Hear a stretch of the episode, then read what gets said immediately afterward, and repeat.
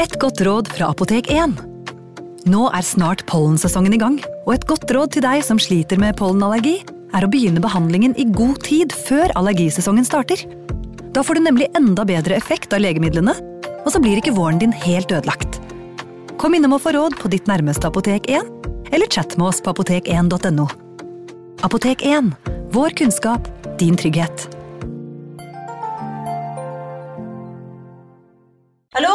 Jeg kommer fra Oslo politikammer. Ine Jansen er purk. Er du purk? The motherfucking bitch. Alt jeg vil, er å finne ut hva som skjedde med mannen min. Jon Carew. Er jeg sikta for noe? Iben Akeli. Det er du. Ole So, Lars Berrum og Big Daddy Karsten. Hvem sin side er du på, egentlig? Anette Hoff, Tone Danielsen, Kommer du fra Afrika? Jørnis Josef, Nesten. Kløfta. Trond Espen Seim, Det er synd å si det, men det var feil mann som døde. Purk. Premiere tirsdag på TV2 Play. Advarsel.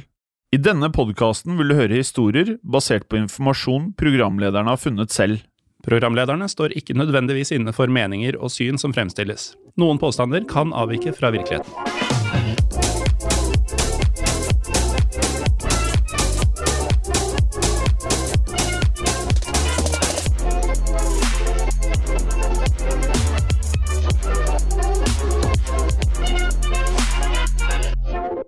Hei og velkommen til en ny episode av Historiepodden. Mitt navn er Morten Gallosen. Og mitt navn er Jim Fosheim. Det er det, Jim. Hei, hei. Hei, Morten. Du, nå er det sikkert mange som lurer, merkelig nok, på Ja. hvor vi har vært de siste tre ukene. Men det vet jo jeg, og det vet du. Vi Ja. har vært i appen Untold. Den Ja. rosa appen eh, som du får eh, for mitt eh, vedkommende på AppStore. Ja, fordi du har Apple-telefon, altså iPhone. Jeg bruker jo Android, og da får jeg appen i Google Play Store. Ja, Og så kan du jo eh, bli en av de som bare bruker browseren. -hmm. Så da er det bare untold.app. Det stemmer. Eh, Og så skal man da kunne klare å navigere seg inn da i denne appen, hvor du Mm. kan høre masse av oss to. Ja, Der kommer eh, alle våre podkaster, denne, Historiepodden andre verdenskrig, Gangsterpodden med flere, hver eneste uke uten reklame. Ja.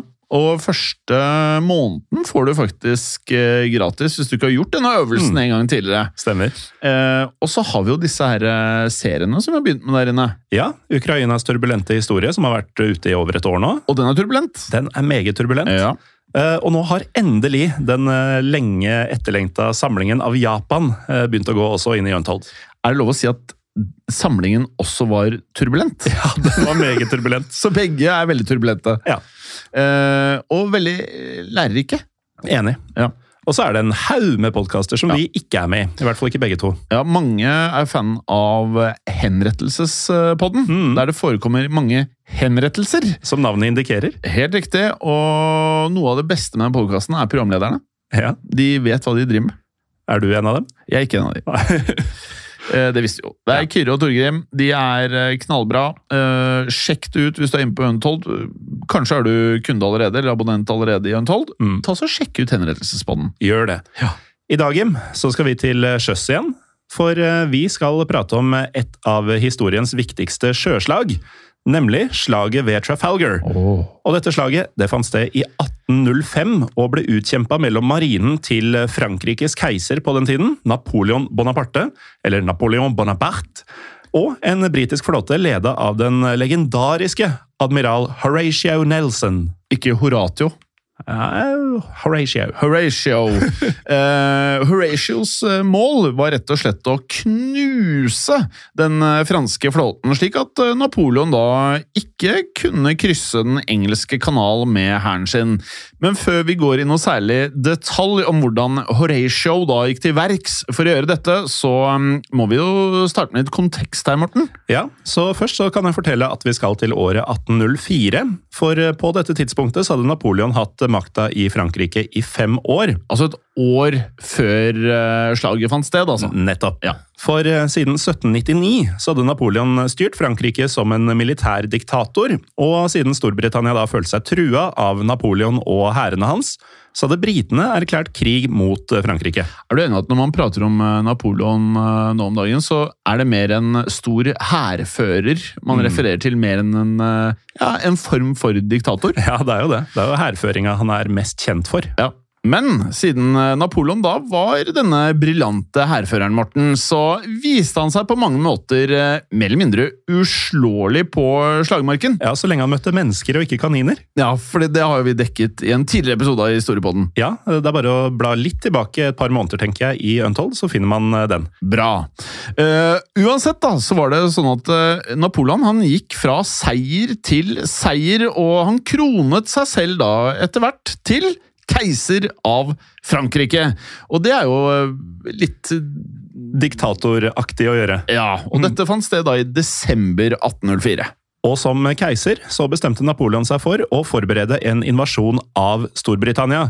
Og Derfor så samla Napoleon soldatene sine i den nordfranske byen Boulogne. Ja, og Boulogne ligger da rett ved Den engelske kanal. Ja, Så du skjønner jo hvorfor britene ble litt stressa her. Ja, Jeg skjønner det veldig godt, jeg. Mm. Og da Napoleon da samlet uh, på den tiden en veldig stor hær, mm. 200 000 mann, eh, ved Boulogne, så ga han hæren et navn, Morten. Ja, Som tilsvarte antallet mennesker, på en måte? Ja, for jeg sa 200 000 på den tiden her. Det var mange. Ja. Så det var nemlig da duket for et navn som uh, kunne reflektere dette. Det var Le Grande Armée, Altså den store hæren Eller stor eh, Den kjempestore hæren!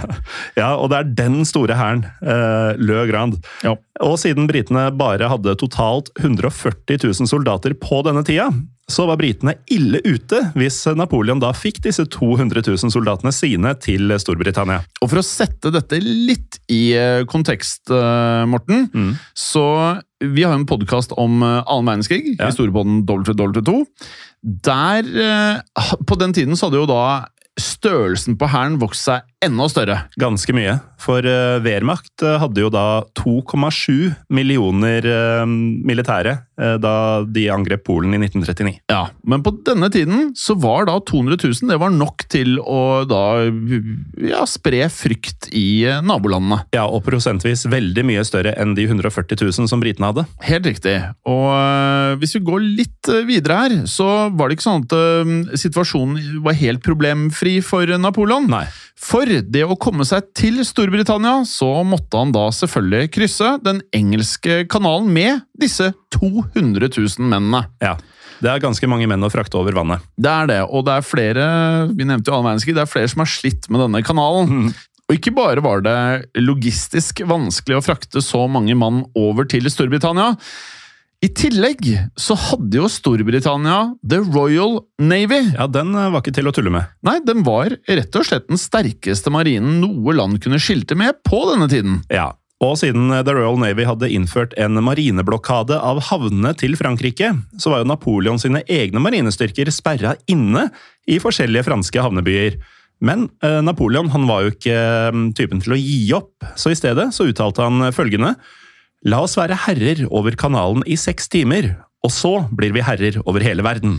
De var litt mer poetiske i måten de la frem ting på den gang. Ja.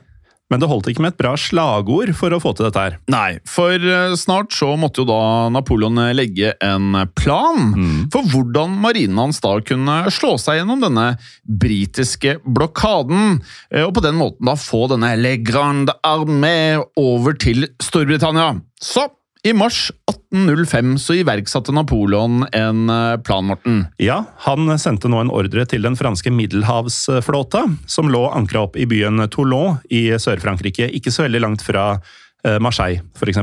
Mm. Og den ble leda av den 42 år gamle admiral Pierre Charles Jean Baptiste Silvestre de Villeneuve. Ja, Uh, skal vi se, Én, to, tre, fire, fem, seks, sju navn! Ja, Og de, eh, de, fem fornavnene er alle med bindestrek. Ja, Det er helt fantastisk. Det er ikke så lett å velge bort noen. Men vi kan jo, uh, for, for, nye lyttere, hvis dere går litt tilbake i tid i historiepodden, så vil dere da erfare at dette her det er ingenting Nei. i forhold til navn man møter på her. Ja, Spesielt adelige tyskere. Oh. De har mange navn, de. Ja, for det er mye von og fan ja. mellom to-tre forskjellige navn. Ja, Og så begynner det bare på nytt igjen etter hvert fond og fan. Uansett, da, denne Villeneuve han eh, fikk beskjeden om å lede disse krigsskipene sine ut til sjøs. Og som lytterne vet, så var det slik at datidens eh, skip det var noe helt annet enn det vi har i dag. Mm. Eh, for dette var stort sett da seilskip. Ja, det var en stund før eh, nazistenes teknologi eh, ble gjeldende på sjøen. Helt riktig, og ifølge planen til Napoleon da, så skulle Villeneuve slå skipene sine sammen med den spanske marinen. Hmm. Og grunnen til det var ganske enkel, Morten. Ja. Det var nettopp det at Spania hadde inngått en allianse med Frankrike, altså med Napoleon. Ja, og Derfor så lå Spania nå i krig med Storbritannia, og derfor ønska Napoleon å sende en kombinert fransk-spansk flåte for å angripe de britiske marinestyrkene som sperra Den engelske kanal. Og det hadde jeg egentlig likt, jeg også, hvis jeg var Napoleon. Ja, Det er ikke dumt tenkt. Det er fint å samle mye mot noen andre. Ja, det er nettopp det. Og Deretter så skulle da Napoleon og Le Grand Armé fraktes over til England. og Dersom det skjedde, så ville jo da Storbritannia være i alvorlig trøbbel. Og Derfor så var det på ingen måte optimalt for britene at Villeneuve sine skip da brøt rett igjennom den eh, britiske blokaden av Toulon. Nei, det var det på ingen måte. Men eh, før vi tar det hjem, så har vi jo nevnt et navn innledningsvis som nå endelig dukker opp. Horatio. Nemlig. Eh, For de britiske skipene utenfor Toulon de ble leda av den 47 år gamle admiral Horatio Nelson. Og siden Nelson forventa at franskmennene ville angripe den britiskvennlige øya Sardinia, så hadde han sendt flere av skipene sine sørover. Og før Nelson da rakk å samle skipene sine, så klarte Villeneuve å seile ut av Toulon. Men til da Nelsons eh, store overraskelse, så satte Villeneuve deretter kursen rett mot Spania. Ja, vestover. Nettopp. Og da Nelson da innså dette, så ga han umiddelbart ordre om å ta opp jakten på franskmennene. Ja, men før vi kommer tilbake til denne jakta, så kan vi jo introdusere Nelson litt eh, nærmere hjem. Og da kan jeg først nevne at Horatio Nelson han var sønn av en prest eh, som het Edmund Nelson, og kona hans eh, Catherine Suckling. Og Horatio han ble født av disse i 1758, og han slutta seg da til Royal Navy i 1771, bare 13 år gammel. Men det betyr også at eh, på dette tidspunktet så hadde Horatio over 30 års erfaring til sjøs. Det er mange år. Det er mange år. Han hadde vært i marinen dobbelt så lenge som han eh, var før han slutta seg til marinen. Det er helt riktig. Eh, Og vi kan jo legge til da, at eh, Horatio han var kun tolv år da han ble innrullert i marinen. Ja, Så var før den 13. fødselsdagen hans. Helt riktig. Og han ble da først eh, dekksgutt på et skip som ble kommandert av onkelen hans, nemlig kaptein Maurice Suckling. Eh, Og til tross da for at Horatio Nelson slet med mye sjøsyke gjennom hele livet, Morten, så viste han seg å være en eh, svært lovende rekrutt. Og når du velger å gjøre noe i 30 år og at du egentlig konstant er i ubehag, da liker du mye av det andre du får med deg på eh, Ja, Da er dette virkelig ditt kall i livet. Og Nelson han tok derfor offisersutdanning, og i en alder av 25 år så ble han utnevnt til kaptein på skipet His Majesty's Boreas. Um, Boreas er da gammelt greskim eh, og eh, er et navn på nordavinden. Ja, jeg har aldri hørt det uh, tidligere, men uh, jeg ble uttalt det som Boreas. Boreas. Ja, His Majesty's Boreas. Helt riktig. Og i årene som fulgte, så fikk Nelson kommandoen på flere skip, og han utmerket seg som en tapper, og også blitt beskrevet som en dyktig offiser. Ja, Til tross for kvalmen og ubehaget. Helt riktig, men det var på 1790-tallet at han da virkelig skulle bli berømt. For i løpet av dette tiåret så utkjempet da Storbritannia og Frankrike ikke én krig, men flere kriger. Og for Nelson så gikk dette relativt hardt for seg. Ja, for i 1794 så forsøkte nemlig The Royal Navy å angripe den franskstyrte øya Korsika, og Nelson han deltok i dette angrepet. Og da britene ble slått tilbake, så ble han eh, truffet i ansiktet av eh, splinter fra en fransk kanonkule. Du skjønner jo at man er noen hundre år tilbake i tid der, Jim. Ja, helt klart, og du vet jo um, Vi har jo pratet om det i en episode av Historiebånden som heter eh, Nazi Battle Scars. Fordi veldig mange av de man ser eh, Dette er så lenge tilbake at uh, man blir jo malt, Ja. eh, og man ser jo at folk har arr.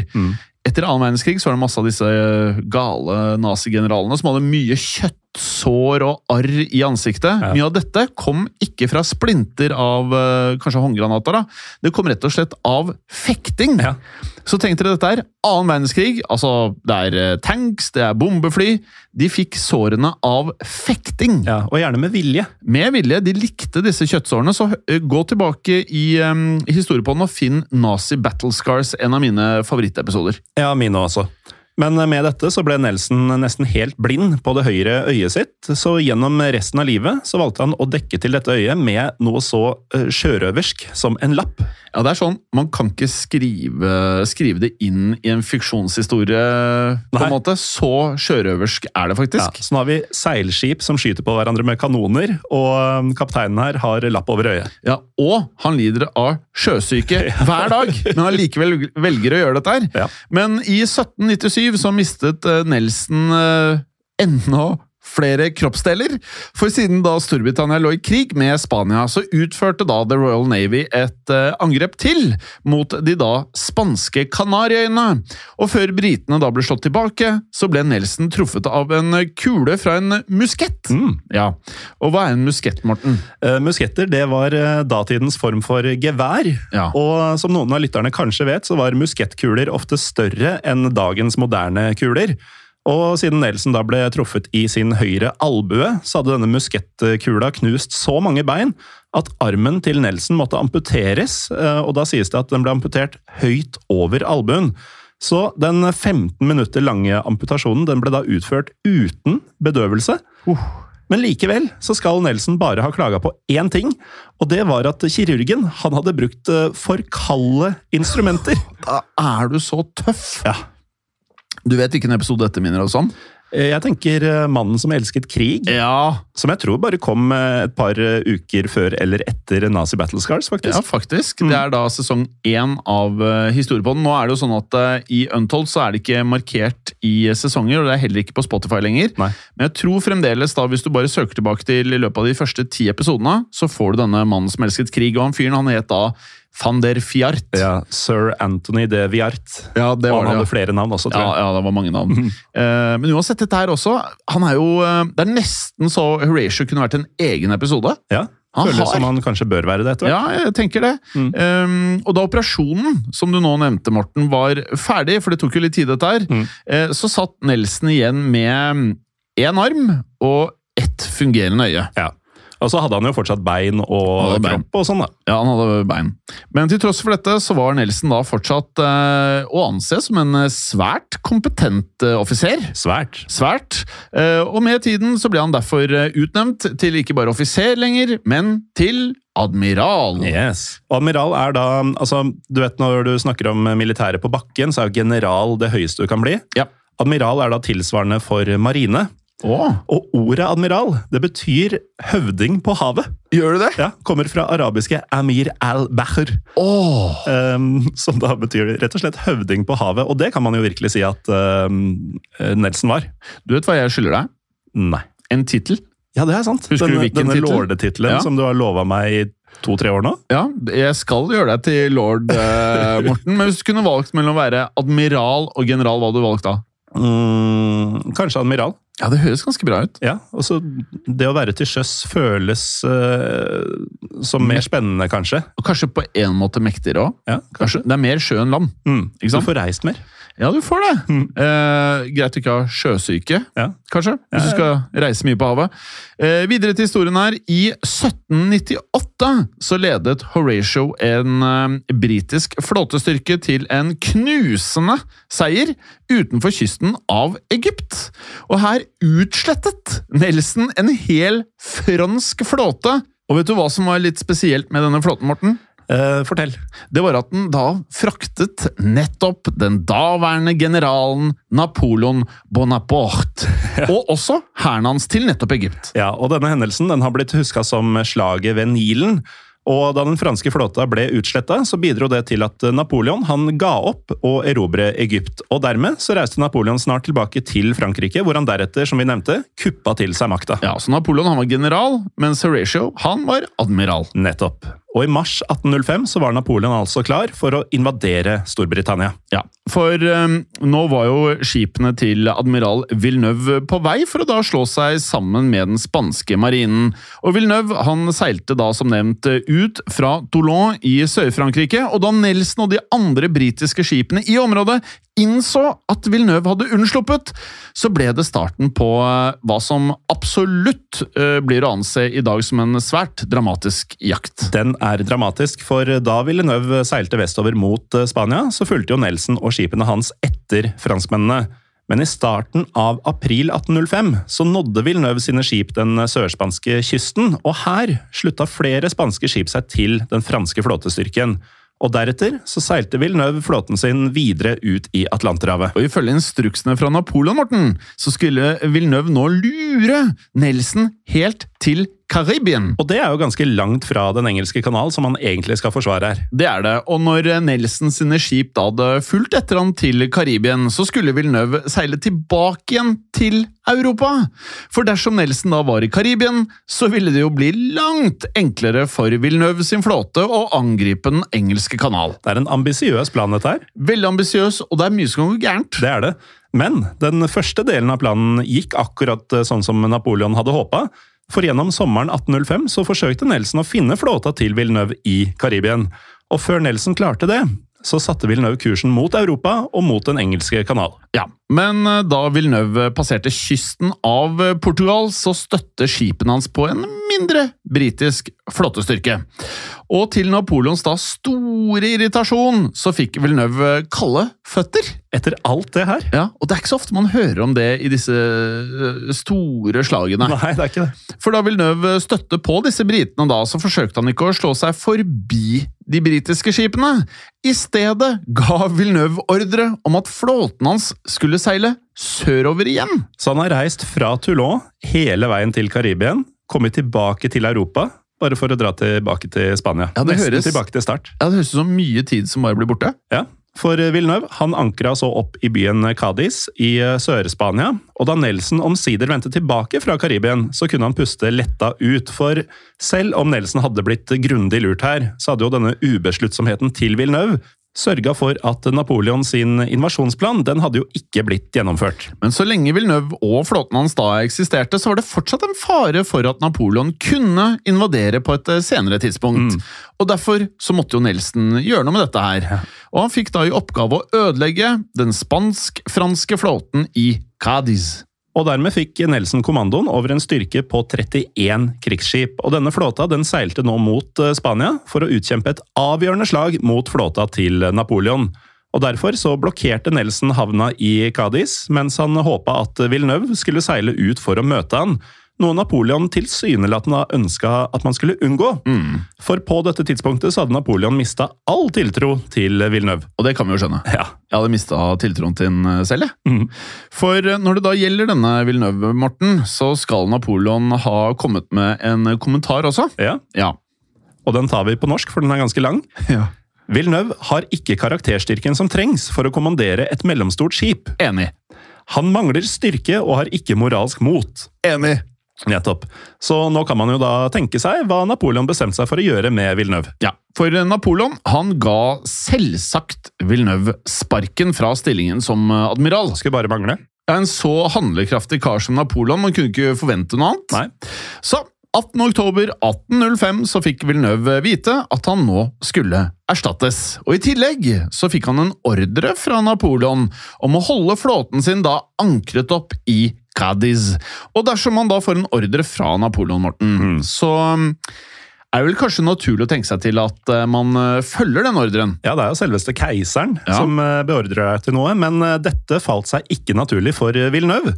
For da han fikk høre at Nelson var på vei med en stor britisk eh, flåte, så bestemte Villeneuve seg i stedet for å møte Nelson i kamp. Han er totalt uforutsigbar! Ja, Han har snudd fullstendig, han nå. Han gjør bare det motsatte! Ja, En liten britisk styrke, det blir for meget. Ja. Men hele denne kjempehæren til, eh, til Nelson, den skal jeg ta. Han skulle sikkert prøve å bevise at han eh, burde fortsette som admiral, kanskje. Ja, det kan godt være, fordi nøyaktig hva som lå bak denne avgjørelsen, det har aldri blitt eh, fullstendig avklart, men det er jo naturlig å tenke akkurat det.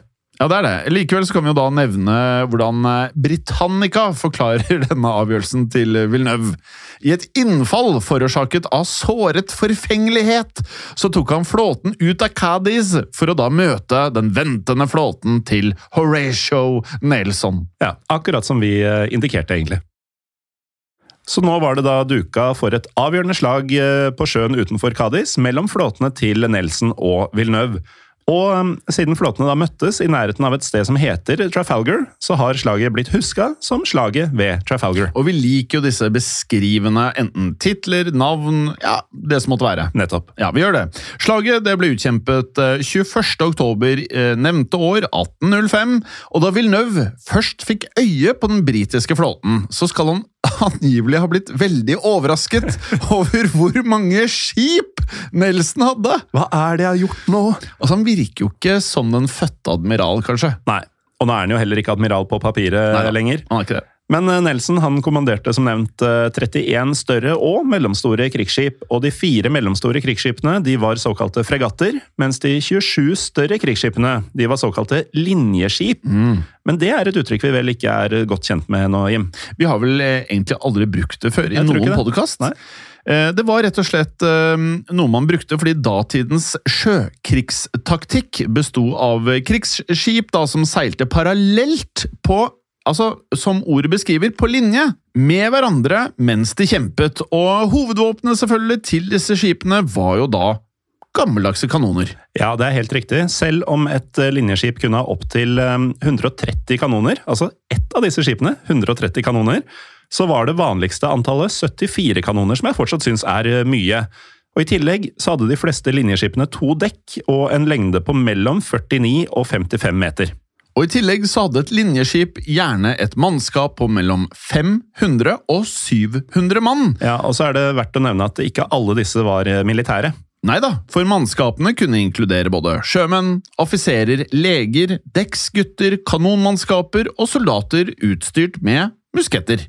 Og på denne tiden så var de britiske mannskapene kjent for å være blant de dyktigste på havet, noe Villeneuve tidligere hadde erfart. Ja, for da Nelson vant eh, det tidligere nevnte slaget ved Nilen, så var Villeneuve faktisk om bord på et av de få franske skipene som unnslapp. Derfor var Villeneuve smertelig klar over at de britiske kanonmannskapene de var mye bedre enn de franske motpartene. Og nå kommer vi til noe som jeg syns er veldig fascinerende. Eh, har du sett Master and the Commander, Morten? Jeg så den faktisk aldri. Du gjorde ikke det? Nei. Fantastisk film. Jeg må skjerpe meg. Ja, det er jo Russell Crowe i hovedrollen. Mm. For i likhet med en taktikk som da brukes i Master and the Commander, så var det sånn at skipene de avfyrte såkalte bredsider. Og en bredside det innebar at et skip avfyrte alle kanonene som da fantes på den ene siden av skipet, som da vendte mot fienden. Og det å avfyre disse såkalte bredsidene var noe britene var langt bedre på enn franskmennene. Ja, så dersom kanonene til et fransk mannskap var lada på forhånd, så klarte de som regel bare å avfyre to bredsider på ti minutter. Men siden britene var langt bedre trent til å lade og avfyre disse kanonene, så kunne britene avfyre seks bredsider på ti minutter. Og dermed så kunne britene da skyte tre ganger så mange bredsider i løpet av et slag. Og det var nok noe som lå i bakhuet på Villeneuve. vil jo si at eh, det hadde ligget i bakhodet mitt òg. Ja. For selv om Villeneuve hadde 33 linjeskip og fem mellomstore skip, også kalt fregatter, så følte han seg lite sikker på at dette kom til å gå bra. Så da Villeneuve da fikk øye på de 31 seilskipene til Nelson, så beordret Villeneuve en tilbaketrekning til Cadiz. Nå er han med seg selv igjen. Ja, nå begynner han å ligne det vi er vant til. Men til Villeneuve sin store fortvilelse så var mannskapene i den fransk-spanske flåten for dårlig trent til å snu skipene sine på kort varsel. Da begynner det å bli, da er alt et problem, da. Ja, nå, nå er det trøblete der, altså.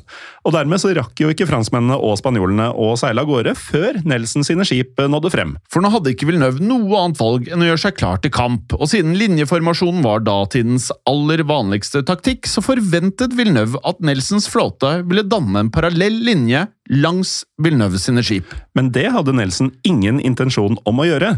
Nelson hadde i stedet bestemt seg for å dele flåta si inn i to grupper. Og disse gruppene de skulle deretter seile rett frem mot den franske linja, noe som innebar at eh, de britiske skipene ikke ville kunne avfyre bredsider før de seilte inn mellom de franske og spanske skipene.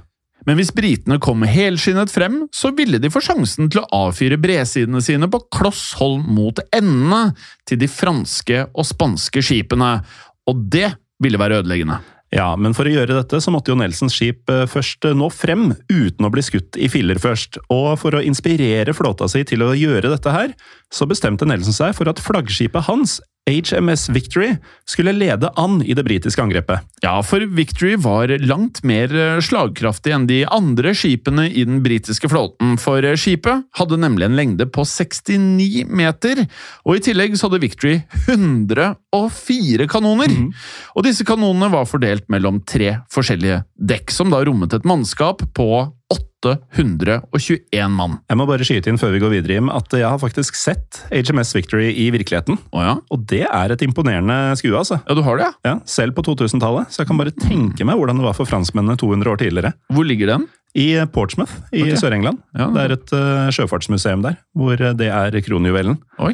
Eh, Men uansett, dette mannskapet det inkluderte Nelsons såkalte signal officer, en løytnant ved navn John Pascoe. Og Pascoe sin jobb det var å heise opp eh, signalflagg som ble brukt til å gi beskjeder til resten av flåta. Og da klokka nærma seg tolv på formiddagen den 21. oktober 1805, så avla Nelson en visitt hos Pascoe. Og dette beskrev Pascoe senere slik. His lordship came to me on the poop deck, and after ordering certain signals to be made, said, Mr. Pascoe, I wish to say to the fleet, England confides that every man will do his duty. ja. Eh, nå er det nok noen lyttere som da lurer på hva et poop-dekk er for noe, kanskje? Ja, jeg er nesten imponert over at eh, vi ikke spurte tidligere. Ja, jeg kan jo fortelle at et poop-dekk er den delen av dekket som ligger helt bakerst på skipet. Ja, Så enden, på en måte. Ja, poop-dekket. Ja. Og visstnok så stammer uttrykket poopdeck fra det franske begrepet la poop. Og slik vi forstår det, så var la poop det franske navnet på nettopp den bakerste delen av et skip. Veldig bra, Morten. Med det sagt, da, så ønsket løytnant Pasco nå å justere litt på Nelson sin eh, beskjed. Derfor sa Pasco følgende til Nelson, og her har vi da altså valgt å beholde ordlyden til originalspråket. Ja, så da blir det som følger. If your lordship will permit me to substitute the word confides for the word expects, the signal will soon be completed because the word expects is in the vocabulary and confides must be spelt. Som andre ord foreslo Pasco å erstatte ordet confides med expects. Ja, For ettersom ordet confides ikke sto i marinens signalkodebok, ville ordet måtte staves bokstav for bokstav. Men siden ordet expects allerede sto oppført i kodeboken, trengtes det bare tre flagg for å signalisere ordet. Ja, og siden Nelson syntes at dette var en fornuftig forbedring, så godtok han forslaget til Pascoe. Så, nøyaktig klokka 11.48 på formiddagen den 21. oktober 1805, så heiste Pascoe dermed opp en av de mest berømte setningene i den britiske marinens historie. For nå fikk hele Nelsons flåte følgende beskjed. England expects that every man will do his duty. Derav ga Nelson ordre om å angripe fienden, og med det seilte de britiske skipene frem i to forskjellige grupper. Gruppen lengst mot venstre ble ledet av Nelson og Victory, mens gruppen lengst mot høyre ble ledet av viseadmiral Cuthbert Collingwood. Og Collingwood han var Nelson sin nestkommanderende og hadde kommandoen på skipet HMS Royal Sovereign. Og siden Collingwood ønska å bli den første som nådde frem til fienden, så satte Royal Sovereign av gårde i full hastighet. Derfor utbrøt Nelson nå følgende fra dekket til Victory. See! See how that noble fellow Collingwood carries his ship into action! Oh, og snart havnet Royal Sovereign innenfor rekkevidden til de franske og spanske kanonene. Men selv om britene da ikke kunne skyte tilbake før de da hadde nådd linjen til Villeneuve, så klarte ikke franskmennene eller spanjolene å utnytte denne fordelen. Nei, og nå kan vi introdusere en mann ved navn Pierre Servaux. Servaux han tilhørte nemlig mannskapet på det franske linjeskipet Fougueux. Og, og på norsk så betyr Fougueux ivrig. Og etter slaget så beskrev Pierre Servaux opplevelsen sin om bord på Fougueux slik. Fougueux avfyrte de første skuddene i hele flåten. Hun fortsatte å skyte mot Royal Sovereign, som var et overlegent skip når det da gjaldt både høyde, kanoner og antall sjømenn. I tråd med uvanen vår i den franske marinen avfyrte de største kanonene våre over 100 skudd på altfor lang avstand. Det var først da vi havnet side om side med The Royal Sovereign at britene åpnet ild. Så med andre ord så nådde de britiske skipene nå fram til fiendene sine. Men bare tenk, hvis du var de franske og spanske nå, hvor mm. Nå visste du hva som kom. Ja, Ja. Men det er litt gøy at Fogø betydde ivrig, og så var det akkurat litt for ivrige de var. Ja. For eh, som man da kanskje skjønner ut fra denne beskrivelsen til Servaux, så klarte ikke de franske og spanske kanonmannskapene å sette flåta til Nelson ut av spill, og da er det duka for brutale scener. Ja, La oss igjen høre noen ord fra Pierre Servaux.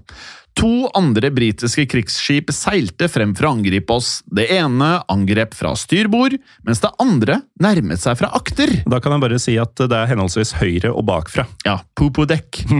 Vi holdt ut i én time, men de overmannet oss nesten med en grusom storm av kuler som spredte død gjennom rekkene våre. Mastene våre ble skutt i filler, og det brøt ut brann på skipet vårt. Så nå hører man jo at dekket til Fougue, det var ikke et sted man ville oppholde seg på.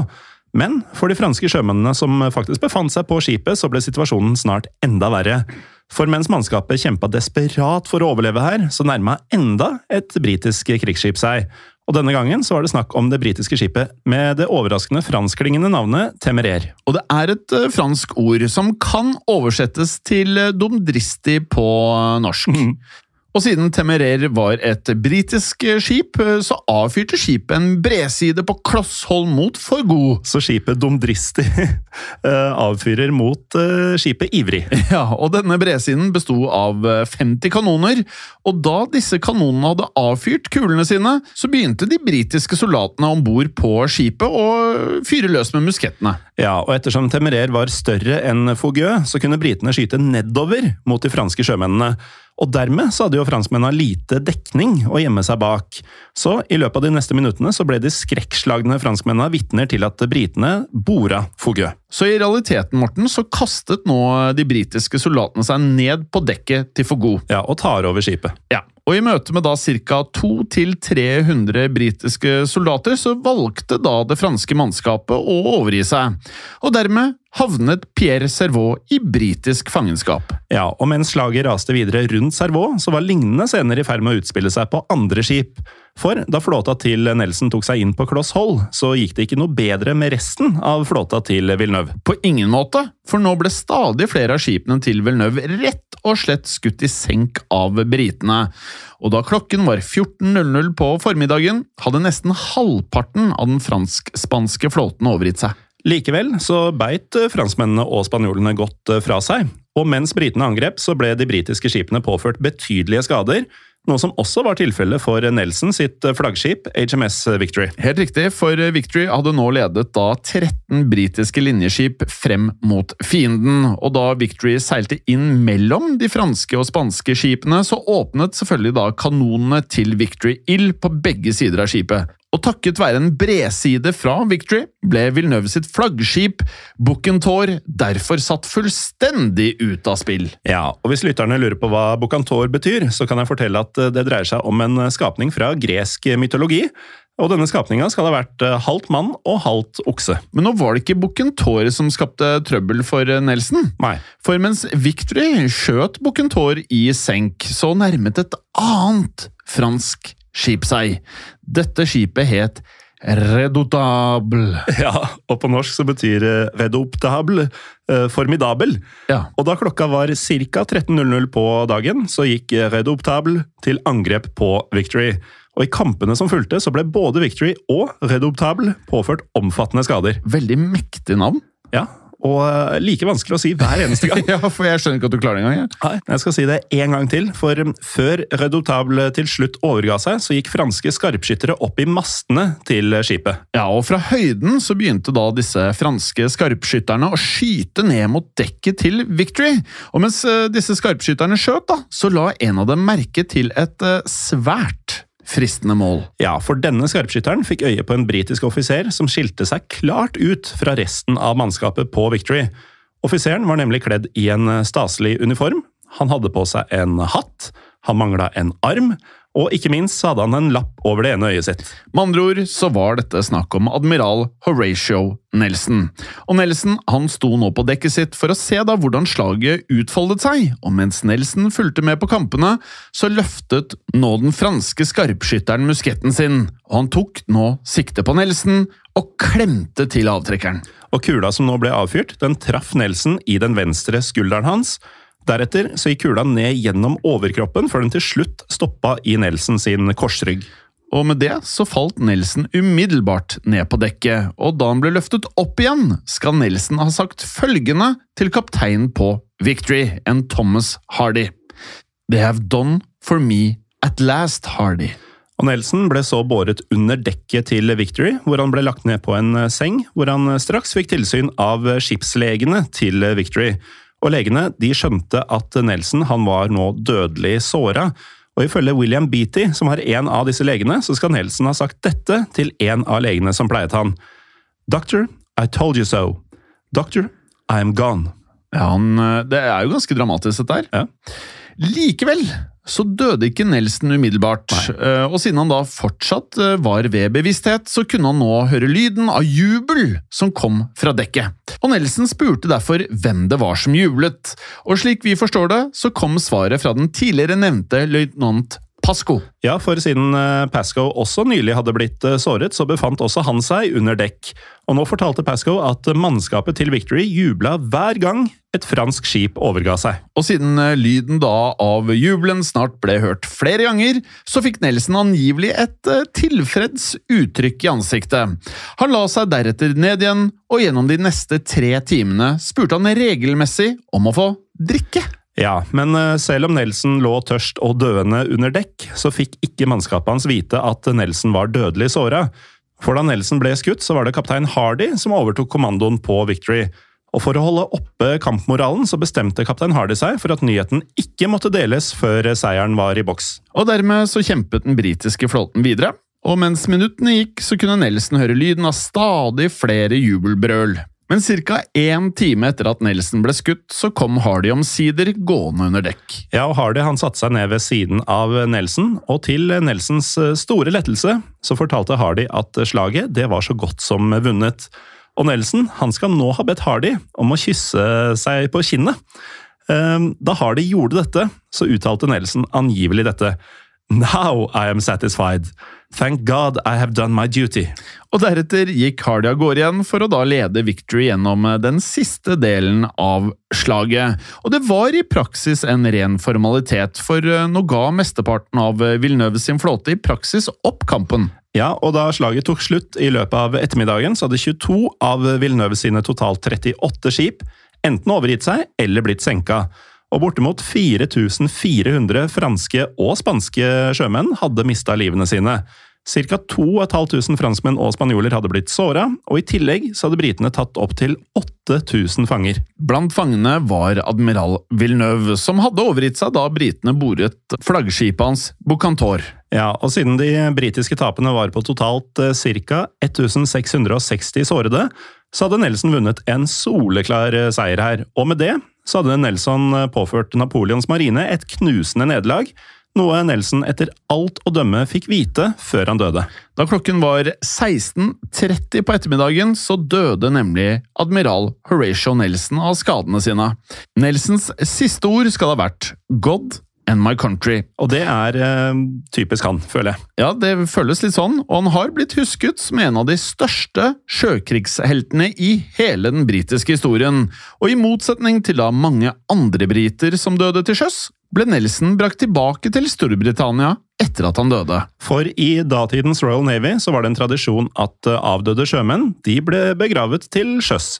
Tanken bak dette var å hindre at døde kropper skulle spre sykdom om bord på skip, så det er jo logisk nok. Mm. Men da Nelson døde, så bestemte mannskapet på Victory seg for å gjøre et unntak. Ja, Mannskapet ga nemlig bort brennevinsrasjonene de hadde fått utdelt, slik at kroppen til Nelson kunne bevares i en tønne full av brennevin! Og dette er jo en mann som er høyt oppe i marinen, og tankene går umiddelbart til tidligere marineminister Winston Churchill når du hører at kroppen oppbevares i en tønne av brennevin. Fordi Fordi Churchill var veldig glad i brennevin. Ja. Og det sier jo litt om hvor um, høyt uh, mannskapet verdsatte Nelson. Mm. For jeg vil anta at for den gjengen her å gi bort mye av brennevinsrasjonene, det var nok ikke bare bare. Ja, og etter en knusende seier også. Skulle jo tro at det brennevinet skal brukes til noe annet. Man skulle tro det. Uh, og omsider, da Victory vendte tilbake til England i triumf, så var kroppen til Nelson derfor i relativt god stand. Ja, og dermed fikk Nelson en storslått begravelse i St. Paul's Cathedral i London, og der der ligger han fortsatt den dag i dag. Men i motsetning til eh, Nelson, Morten, Morten, så ble ikke den franske admiralen Villeneuve husket eh, som noen helt. Nei. For eh, etter å ha sittet noen måneder i britisk fangenskap, så ble Villeneuve sluppet fri igjen. Og for oss så fremstår det noe uklart hvorfor han ble løslatt, men i 1806 så vendte han uansett hjem til Frankrike, og siden Napoleon nå hadde svært lite til overs for eh, Villeneuve, så gikk det ikke spesielt godt for han i tiden fremover. Nei, det kan du si, for den 22. april 1806 så ble nemlig den 42 år gamle Pierre Charles Jean-Baptiste Sylvestre de Villeneuve funnet død på et hotell i Paris. Og den offisielle dødsårsaken var selvmord, men da har i så fall Villeneuve eh, gjort dette på en litt uvanlig måte, for eh, han ble drept av seks knivstikk i brystet. Og Derfor har noen historikere spekulert i at Napoleon muligens fikk tatt Villeneuve av dage. Napoleon skal nemlig ha klandret Villeneuve for at eh, Le Grande Armée aldri fikk sjansen til å invadere England. Ja, Og det kan man jo si seg enig i. Ja, altså Han eh, hørte jo ikke på Napoleon, Nei. og det har ikke vist seg å være bra for historiebøkene. For dersom Villeneuve ikke hadde blitt beseiret av Nelson, så ville jo da Napoleon fortsatt ha hatt muligheten til å bruke flåten sin til å invadere Storbritannia. Ja, så om det ikke hadde vært for slaget ved Trafalgar, så kunne historien kanskje sett eh, ganske annerledes ut.